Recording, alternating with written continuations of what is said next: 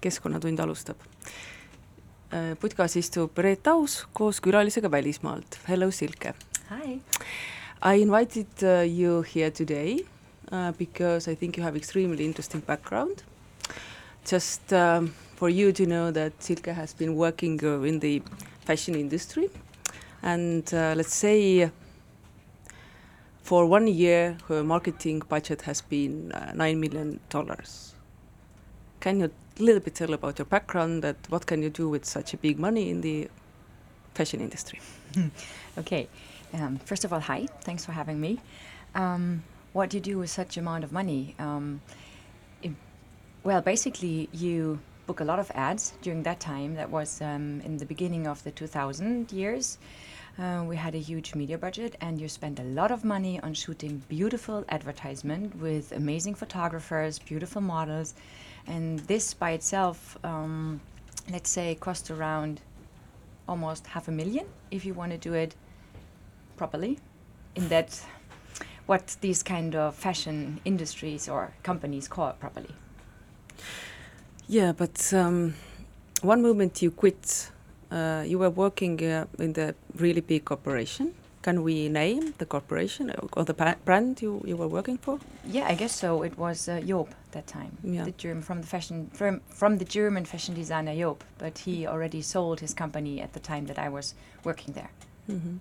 And one moment you really changed uh, everything in your career. What was the reason and why you left from there?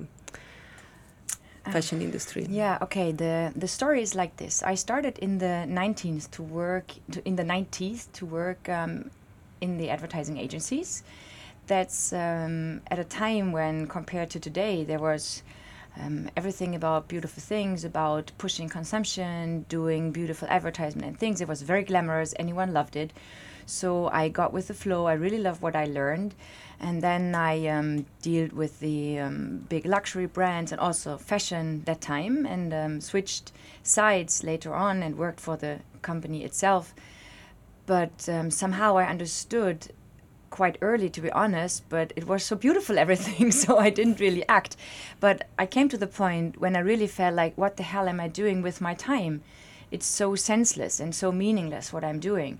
I'm just spending others' money to push their money even more forward. And um, yeah, so I really came to the point at the same time when I understood about the concept of sustainability more that I cannot do that anymore. So I really wanted to contribute to something different and not spend my time with, yeah, I have to say, some kind of senseless products. Mm -hmm. But can you be a little bit more specific? What exactly didn't you like in in the fashion business? in that moment? Mm, well, if you see how many collections come in during a year, and you see how you have to sell it. How many in that time? That time it was like, um, well, you of course you have uh, spring, summer, and autumn, winter, and each collection had like three or four delivery dates. Okay, then it's actually less than it's uh, right now. It is. Yeah. It is actually. Mm -hmm. Yeah, I started um, with Joop in 2005, I think. Mm-hmm. And um, seeing it from now, I just read the other day that from 2000 till 2014, the consumption or the production of fashion has doubled. So during that time, it wasn't that massive amount than today, but still, it was so so many uh, clothes that came into our showroom all the time. And if you see how you sell it and how much amount of money and time you spend to wrap everything um, around with beautiful ads and, and things just to push it into the market that I felt at that time already was somehow saturated. All these kind of brands, like most of the fashion brands, they don't really have a, a meaning, or a lot of them don't even have a, a designer, kind of an artist behind. So, um, yeah, to, to see all of this, it, it's somehow selling a lie, building up a bubble, to be honest. I mean, it, it sounds really bad, and I was part of this consumption push. I worked there in exactly that years when it um, it grew that fast. But yeah, basically that's what it is. But was what was the Joop's business model in that time, or is it the same? Um, Joop is very specific. it was at first of all it i think it has a very good foundation because wolfgang joop himself is an amazing designer he's a very creative artistic person he founded his company but then he understood that he could sell a lot of money with giving some licenses away so he started to do fragrances with one license partner and um, then when he left the company they gave a lot of uh, parts of the collections to different license partners. So the whole business model was based on licenses. So the Joop creative team was basically the creative people of other companies contributing to the brands that they were licensed licensed.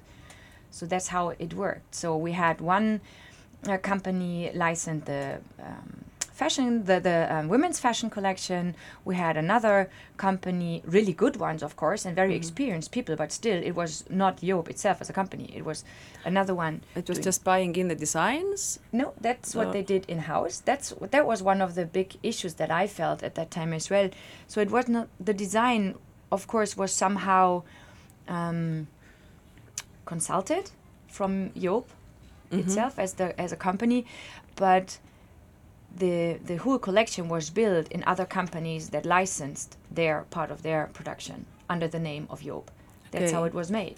Okay, but you as a marketing director, did you uh, know where the production is done, or like all the like, like I mean, all the production cycle and the supply chain, uh, etc. Was it like transparent? Or Well, at that time, it wasn't. Nobody was aware of these whole problems around fashion production like we are today. So at that time, maybe if I would have been um, more aware myself and I've asked even deeper, maybe I could have got some more information. But I had nothing to do with it because it Mm. was um, organized through the companies that licensed our product. So um, I just had the the task to make sure that the brand appearance in general, even if there are so many companies behind, looks somehow like one brand.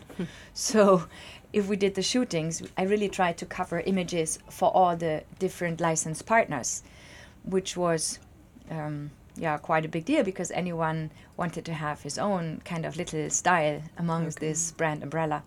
okay, that's really tricky. But if you're talking about production itself, it was really far away from the marketing, which is not a good idea, I think. But I uh, think it's everywhere. Like in the big companies, it, it is uh, that way.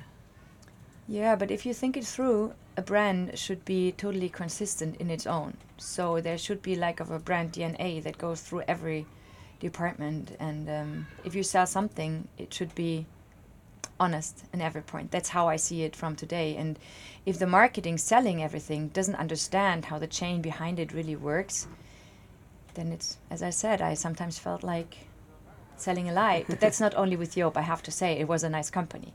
Okay, let's have a little music between.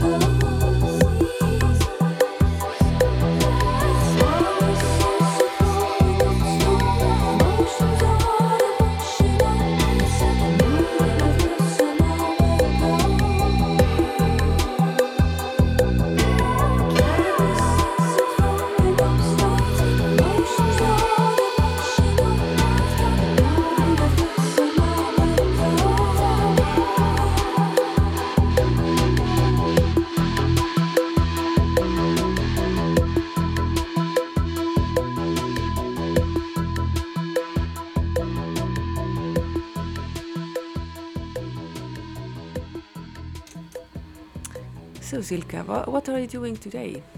Well, today I'm a consultant for sustainable brand communication. So, meaning that um, I use my skill set from the past and my experiences to help more sustainable companies, people, or even startups um, to yeah to grow, to help them to communicate, to make sure that the real good things come true. That's what I do today. Was it difficult to quit? I mean, beautiful people, a lot of money, nice uh, life. How was that? Coming to the other side. yeah, you're absolutely right. Even if I had a bad conscience, a very, very bad one uh, at a point, I really have to say I learned so much. I work with amazing people. I work with amazing photographers. I work with people like uh, Kate Moss, Gisele Bündchen. Um, I went even to London once to have tea with Bryan Adams. These kind of funny stories you can tell. Of course, that was all of that was really, really interesting and amazing. But um, as I said, it came to the point when you really question yourself what is the outcome of your work and what you spend your time with. And when I quit it that time to really make a turn, it, it wasn't easy at all, I have to say, because it was pretty clear that I could have a huge career if I follow that path, going from one marketing direction job to the next one. And um, at that time, in 2008, when I quitted everything, it wasn't that easy to work with clients um, that follow a better purpose than you have this other startups today. It's it's 11 years ago, so I was quite um, alone that time with my thoughts. I mean, of course there were some, and I started, but um, it's totally different thing how I work today and how many people are out there trying to make a difference. And uh, with but how can work. you, uh, with your experience, uh, how do you see it? How many companies would like to turn into the more sustainable path? Um, I have these discussions quite often with, like, let's say, a friend of mine who's working for um, Unilever, for example. Even in these big corporate companies where you could find a lot of negative aspects, not to work with them. Even there are people that really mean it by heart, that they want to change, but they have some restrictions and whatever. But even there, you find it that you really have people that want to change and make a difference. But uh, what I definitely see is that a lot of startups coming up, people that are brave enough to quit and change, like I did it at that time, and try to follow their heart. It sounds very romantic, but that's how it is to really do what they love and really make a change. Do alternative things like producing something in a better way or whatever. It really changes, but still, unfortunately, on a small level. Okay, but um, that's the main question. I mean, um, and you having really the experience from the like big big company, if you see and you now have seen a little bit how small companies deal with sustainability, how difficult it would be for the big one to turn into sustainability or just this just this like circular business model. Uh, does it mean that they have to just close the doors, or is it is it, is there a way to go smoothly into the sustainability? There are there are more options to go of course. I mean if um, go more sustainable that's that by itself is a very complex term. There are so many layers there are so many ways of being sustainable. Even small changes could be more sustainable. So i think a big corporate company like unilever if they don't want to lose all of their turnaround they cannot just stop and turn around and do a completely different thing. But at least I would uh, expect them to do more that they do they do right now, and I'm sure they could. It's it's not that difficult. It's just little things that count if you sell so many um, pieces of, of one product or such amounts of whatever they, they produce. Then even a little something counts. But uh, with your experience, let's say when we take H and M, who has the conscious collection, which is like tiny, tiny, tiny, what would be more sustainable? Just to close, let's say, half of the production, or just to keep uh, this tiny um, conscious collection running as a, let's say, like a marketing tool, or how how you see it? For you, is it the greenwash, or is it like nice? is it a good thing to do? I think on a on an academic and research level, you are the one who can answer that question better than I can. But um, from my perspective, I think anything is better than nothing. I once uh, have been listening to a speech where someone said even the ocean is made of drops. So that's how I see it. Even they try something, it's better than nothing. But honestly, I don't really believe them because if you look behind it, and I bought some of these um, products and I'm following it, um, sometimes you can even understand why they name a product conscious. So at least they should point out, and there's where communication starts. Maybe they just misunderstand how to do it, then they should get some help. Because if you change, yeah, I mean, you're laughing, but if I put an etiquette like saying conscious product on a piece of clothing in an H&M store, I mean, that needs a very smart communication strategy mm-hmm. to, you know, there are smart people out there who really question what's smart about it. Yeah. And if I only read it's cotton, excuse me, but where is the sustainable or conscious aspect in it? So you would, yeah, you, you basically you would say it's the uh, greenwash, just mostly using um, it for the. Um, yeah, it's it's really easy to say it's greenwash. Maybe there are, are really people that try to change a little bit. So for them, maybe it's a start or a test run. So yeah. that's why I at times. How many years they are running the test? couple of years already. Oh I my god! I think at least almost ten years. I think. Yeah, yeah, and that's why I, I am also sometimes very long test. I would say. Yeah, that's true. That's true. So it doesn't really work out, I guess. Um, yeah, yeah. Maybe, maybe it's a kind of going with the flow and trying to be sustainable. But honestly, it's hard for them to change. I I know, I know. Even I spoke once to um, someone from BMW talking about their electric cars and they they were quite honest, saying if we would only push that, then we would lo- or cut all the the mm-hmm. other cars, then we would lose so much turnaround. We could just close the company. Uh, maybe that would be. Uh, maybe yeah. that that would be honestly my dream if the or my vision, because I'm so sure if we would really close all the harmful parts of production, you would have an amazing vacuum that could be filled with so many sustainable startups. That would be my utopia, to be honest. Okay. But uh, that's probably not going to happen. No, that's utopia. yeah. yeah, that's true.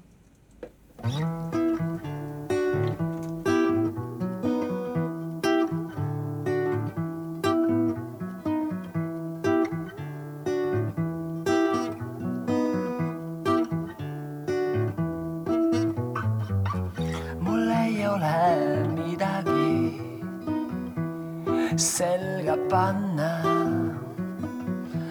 ma oma nahkagi ei oska välja kanda.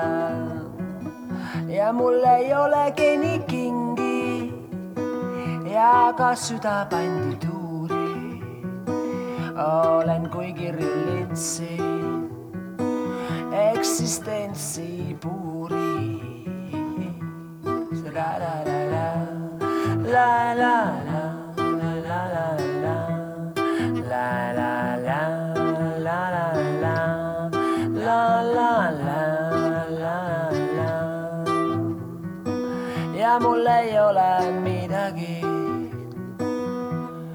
selga panna. ma oma nahkagi ei oska välja kanda ainult taluma pean pilkeid, lihtsalt minust mööda lääna. ja ka ööd must suurt ei hooli, kui jälle hakkasid päevad. la la la la,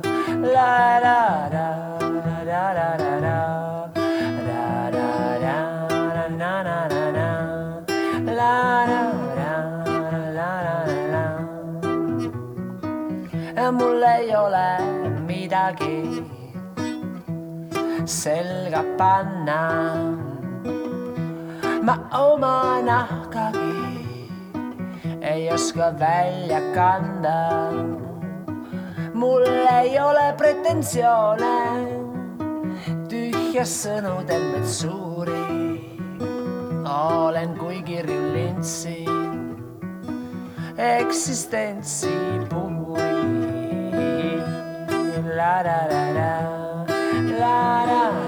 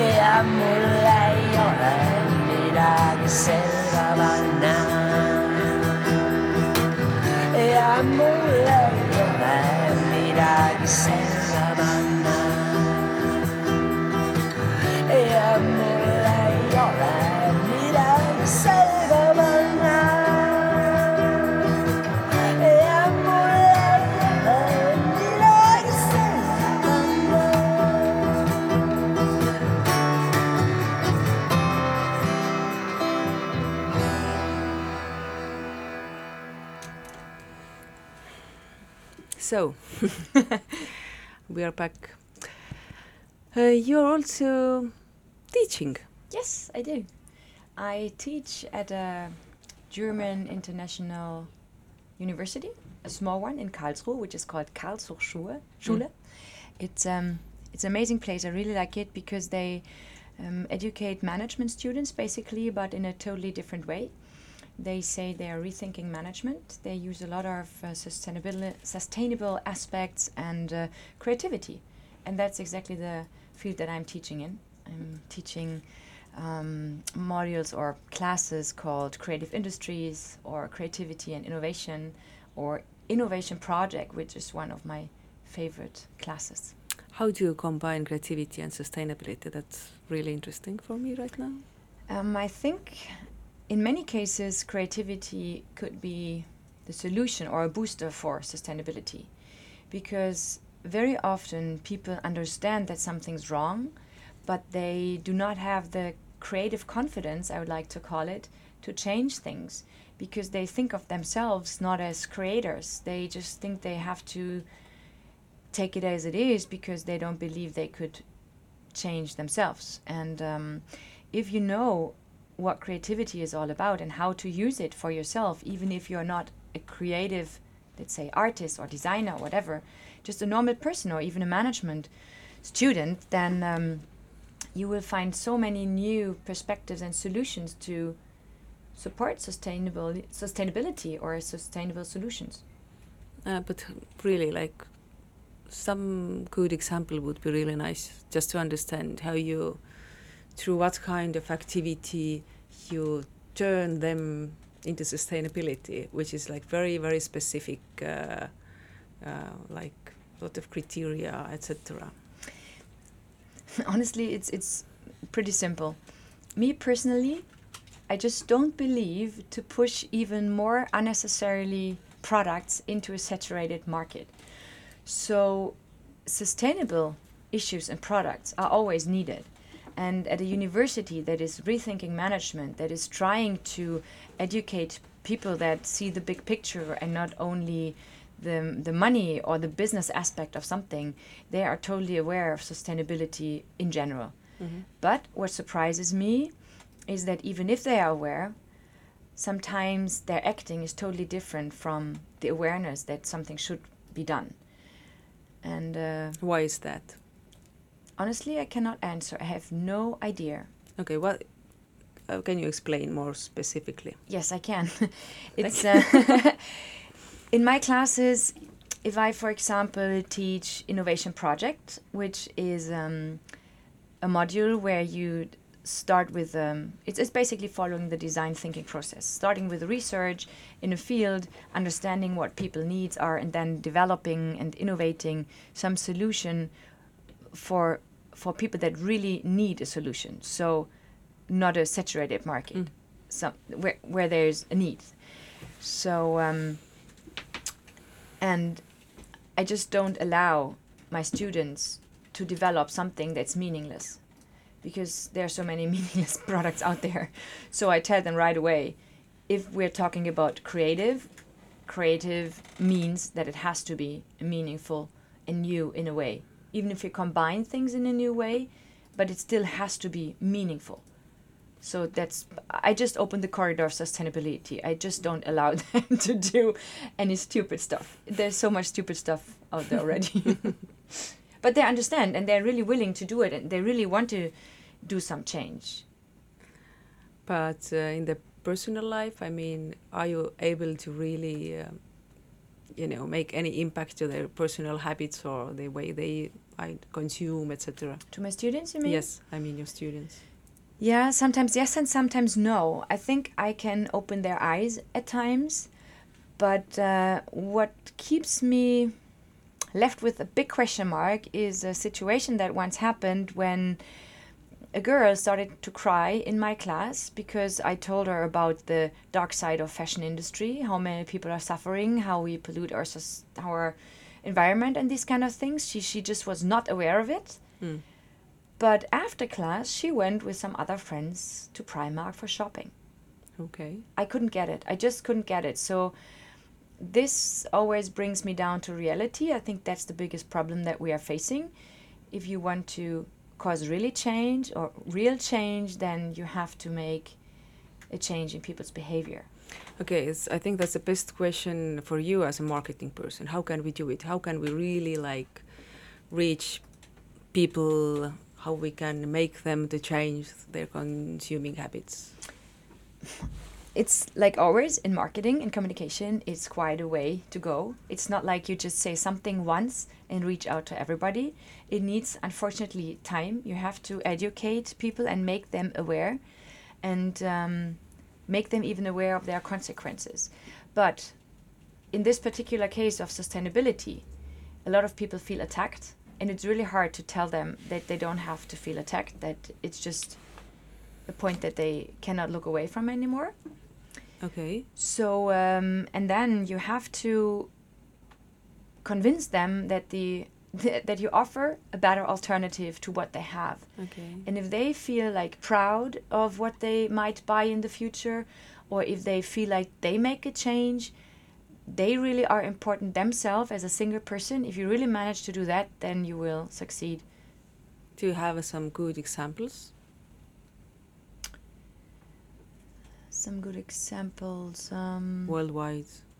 I mean, some brands who really do it well. I mean, you can see the, the message goes through and people really like learn. yeah, I think from I think the, the- the, best example that that um, I can give is Patagonia. because Mhm. Patagonia is doing a very honest and um, clear communication. So they really tell people that things might not be necessary. So I, I always remember this ad saying, please do not buy this product. And then you read the subline in case you really need it, if you have like worn your old one long enough and these kind of things. So they really educate and at the same time offer good alternatives so people are willing to spend more money to buy the good stuff instead of going for the cheap one. Yeah, of course.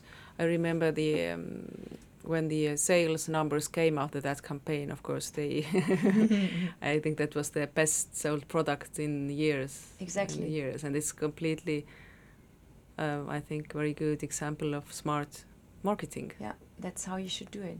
Yeah. But I think, as you were mentioning greenwashing earlier, I think the most important advice is to be honest for Mm. every brand. People are smart enough today, and through the internet, they will figure out whatever you do, anyways. So if you try to sell that you want to do something different and you don't really mean it or act like it, I think that's going to going to kill the brands who are trying to do it. Yeah, but numbers are actually showing something completely different. I mean, uh, when we see Inditex, then uh, they still they are growing. Uh, they are still opening more and more and more shops. In the other hand, of course, I'm of course personally I'm living quite kind of you know this kind of sustainable bubble, and I have this kind of feeling that people really are into the sustainability. But uh, every time when I read some kind of numbers or uh, I kind of um, understand what's actually really Mm, happening mhm. then uh, or when we are really talking about the uh, global fashion industry then the numbers are not so good at all just one fact we were just a little bit talking about the numbers as well i have this extremely interesting paper with me today so uh, I just wanted to ask a few things from here as well. It's complete. It's very boring. It's uh, commission stuff, working document uh, for that's EU. a big problem. Yeah, If sustainability is boring, then we have a problem.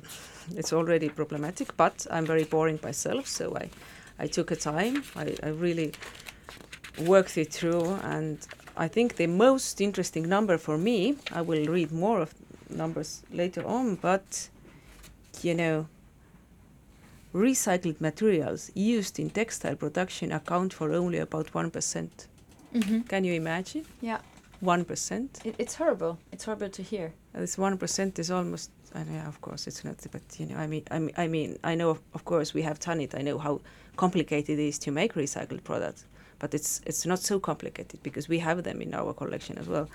Then, however, even in EU, collection rates are estimated to be as low as 25%. This is actually hit me hard as well, just 25%. And by 2025, uh, all EU member states they should uh, like collect all the textile waste. So these numbers are actually saying that uh, we consume a lot and we don't care at all what happens with the shit That's true. later on. it's it's it's very disillusionating, but I think we have to face reality at that point. Most consumers of these brands that you were just mentioning, they are just ignorant. I think it's a different issue if you um, look at food industry, for example. I just read that McDonald's is closing down the first, um, the first uh, burgers. There, how do you say burger uh, Restaurant? restaurants? Right, Yeah. restaurants. really? Yes, I heard that, and um, there are a couple of um, well fashion brands actually in Germany closed down as well. The first ones. If it's such a saturated market, it will happen sooner or later. But what I wanted to say regarding food, also Coca-Cola and these kind of brands, they they just start to earn less money than before. So there is a reaction from the consumer side. They do not buy that anymore like they did before in that amount. But I think food, it's so much closer to your body, and fashion is so far away. So you know, fashion is not. Fashion is very close to our body. It's just you know second of after the food. absolutely. But you know the the the and production skin breathe. I know that. I know that, but that's that's what I experience if I talk to people. They don't even think about how clothes are made and this kind of thing. And and foods they pour into their body. So it's it's just for them it's much closer. And changing shopping behavior is really inconvenient. That's something that I've learned as well. I think there should be some more startups making sure that people that want some alternative products, especially clothes, that it's easier for them to get them.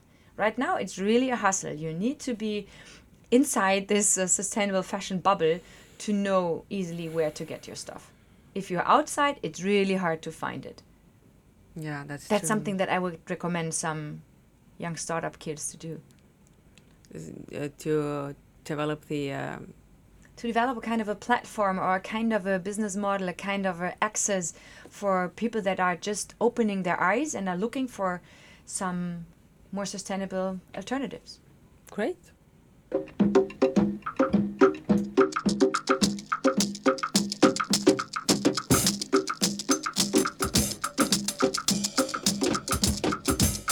Wannan waƙa na shirya ta ce saboda samari da 'yan matan duniya wanda ba su da haƙuri su san cewa babu abin da yake a duniya nan kamar haƙuri maganin zaman duniya. Hankuri, hankuri, malam hankuri. Hankuri. Hey, hey,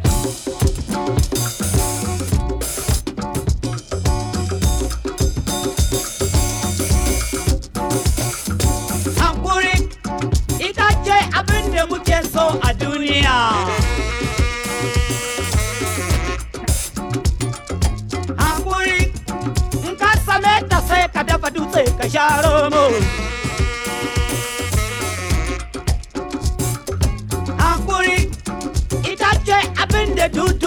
Duniya suke. Na ce hankuri ita ce abin da muke suna yanzu nan.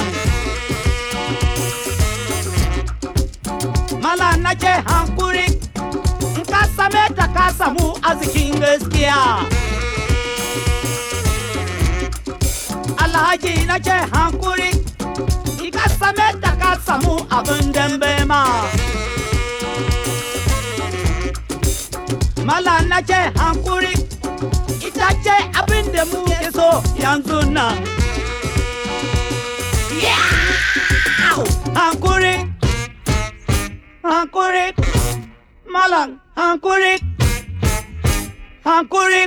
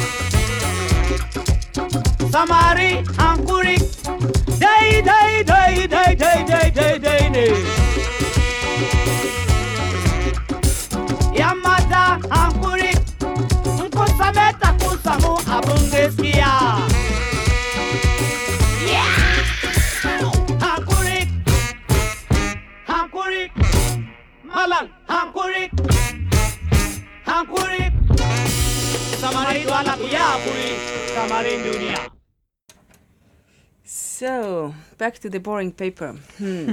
I'm reading from here that uh, the. I have some boring numbers for you too. Thank you, let's change them, but I will start. In Europe, um, okay, textile and clothing industry employs 1.5 million people and generates a turnover of uh, euros uh, 149 billion. Quite a number. Absolutely. Do you have some better one? Better I numbers? have some. Uh, Do you know how how many people? I see here on my boring numbers that we have uh, 75 million people worldwide working in fashion industry. 75 75. and only 1.5 million from EU. Exactly, and the worst part of it, of this 75 million, it's almost women in third world countries. Exactly. Yeah. So basically, when we're talking about fashion uh, and textile industry, then uh, it's not here. it's, It's there. not here. Yeah. That's what I meant with far away, you know? Food is so close to people and fashion is so far away, the production. I mean, the really worst part of it. Even the pollution and uh, everything. That's a very bad number that I just have here as well. Textile industry is responsible responsible for 8 to 10% of the world's greenhouse gas emissions. yeah. And that's not taking place here. That's all over the third world countries. Yeah, it's of course it's all together, but the uh, this the number of employ- employees shows us really clearly that uh, we really don't know what's actually going on because we don't see it. That's absolutely true. So, you said that you have been also in Bangladesh. I did. What did you see? when uh, when I quitted almost everything in 2008, um, we wanted to. My husband and I, we were thinking of um, doing our own little startup with sustainable production and uh, textile, and helping out at the same time, and uh, changing people's life where it really happens in Bangladesh. So that's why we went there and um, visited some factories and things we were quite lucky that um, Bangladeshi friends took took us around because what you see there it's just um, you cannot imagine how these people work in these factories and I think we saw really the good ones and uh, not the really really bad ones. If you were looking for sustainable production, then probably yes, you saw we saw the. good I ones. think so too, and and we took a look at some sustainable projects that our friends knew about, like where they were trying to support women in villages. But we also took a look at quite big companies, and I was really surprised. I took uh, spoke to an uh, agent that time as well, who was trying to um, consult German brands and um, bring them in contact with Bangladeshi factories, Mm-hmm. and he had never heard the word organic before. That was in 2008. Yeah, I was so surprised. He was like, "Organic? What exactly do you mean? Cotton is always organic." That's what that was his answer. So um, at least at that point, things have changed by now. I mean, there's there are some kind of good projects at least going on in Bangladesh now. Yeah, there is one German NGO called KISS is doing a lot of very good work with uh, with women, etc. So a lot of things are happening. But uh, I mean, did it? Did um, what did you learn from that experience, or would it be something you would uh, recommend? To, I don't know to people who would like to understand it more to travel there, or did you feel safe, or all these kind of things? beside flying being such a sustainable issue as well, I would recommend everybody to see and feel what's going on in these productions in these countries because you, you have no idea how it feels to be in that climate in these kind of working work surroundings how many hours these people were work and uh, what their poor income is what the poor lifestyle is if you travel through a country like Bangladesh it's you can describe it you can show pictures but it's such a different story if you see it yourself and um, i think if people would see it like the the campaign i made your clothes these kind of things it's a try but Mhm. it's it's always something different if you see and feel it yourself Yeah, of course. Uh, for example, smell is something what you. Amazing Yeah. smell yeah you're absolutely right the smell there and the climate how it Mm. feels working in that surrounding it's it's so different Mm. But what do you think about these like shocking campaigns or like uh, bringing exactly like making people to feel guilty about uh, consuming etc. Does that work? Like I mean, you as a marketing professional. I think it's very contradictory. On one hand side, you will reach out to people that really got hit by it and uh, take some action. But on the other hand side, it might be too heavy stuff for others and they just turn around and protect themselves by being ignorant. Mm. And um, I think as a brand, it's really dangerous to go that direction. Do you remember Benetton in the 90s? Yes. They tried to make aware. Yeah, but I think they were quite successful with that. Well, they almost closed after that After campaign. that campaign, really? Absolutely, yeah, yeah. That got them into deep, deep trouble. Oh, really? Yeah, absolutely. They I loved that- those why you- campaigns. Yeah, you may you because you were aware, but I still remember that um, it was called in, in the marketing field. It was also called the the Benetton effect. That, Really? that if you push it too hard, it yeah you lose your clients. Yes. Wow, that's funny. But I, but Yeah. it can survive it, and I have I have heard that they are actually taking really really long steps towards sustainability. I don't know how it. they learned they learned the hard way someone Yeah. recently told me a very nice friend of mine we were discussing about how to change people's behavior and she was quite clear she said you know people just change because of two reasons that's joy or pain and i think it's the same for companies and benetton they they got into trouble they had pain they really had to learn from that so maybe it's good at times and now they're doing better yeah, but uh, do you know how um, Diesel is doing? Because No. the, for the marketing point of view, they had like quite strong. Um, That's true. I mean, they're still there, uh, but I have no numbers or. yeah, yeah, but some other these kind of brands like really run like let's say just normal brands without any uh, sustainable agenda.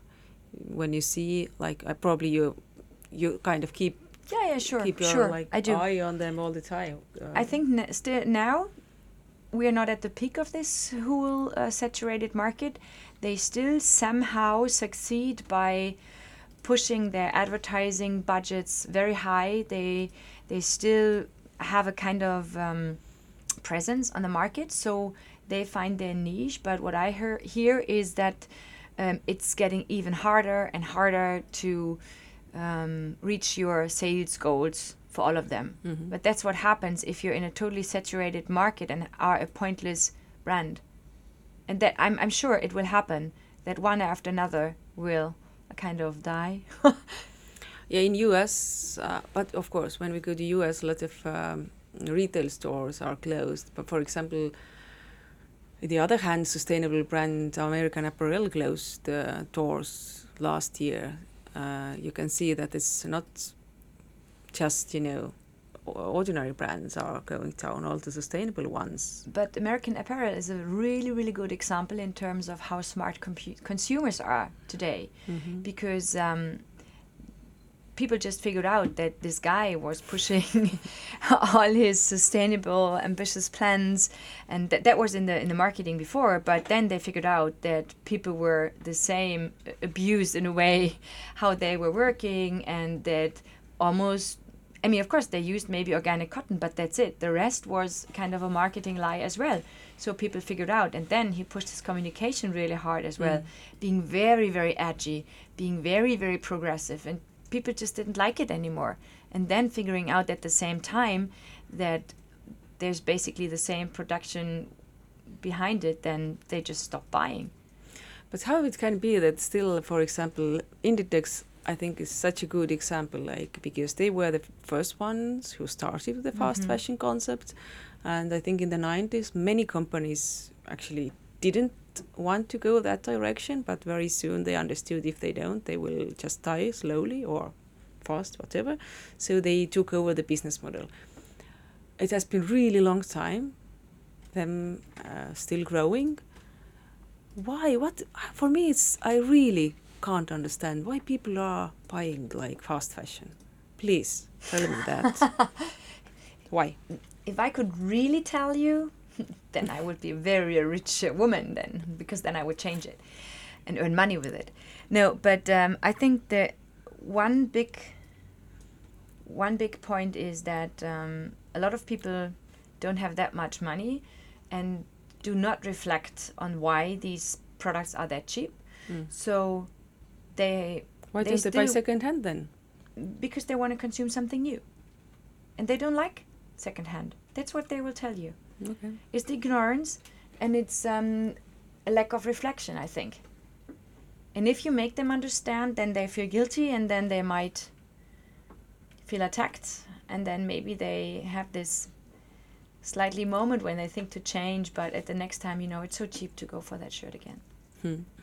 but i mean you well we were talking about your change before and still it took time for you if you think a little bit back to that time did you have moments already before or was it just like like lightning how how was how it was That that's a really interesting question because seeing it from now, I had this funny or weird light moment really really early. I was 19 years old when I started in advertising. And right after school, I got into that agency that was growing strongly, and they were just shooting um, in India a beautiful campaign with elephants and like this Indian weddings. It was just amazing. I saw these pictures. I've never seen something like this before.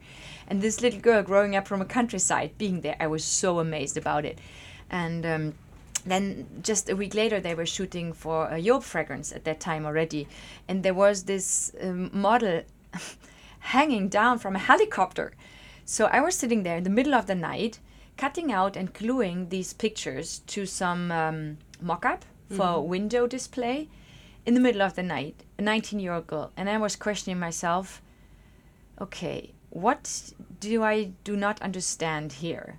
People are spending so much money flying to India, flying to all over the place, hanging a woman to a helicopter just to sell something that makes people even richer that already have money to spend it for these kind of campaigns. So I was sitting there and, and really questioning this.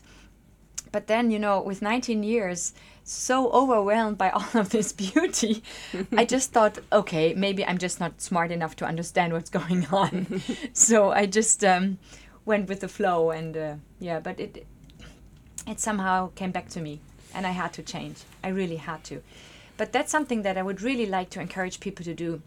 And that's something that I, I also tell my students please, whenever you're aware of something that seems to go wrong for yourself, just reflect on it, take a deeper look in it. And then, if you really feel that it has to be changed, be brave enough to be at least the initial spark of change.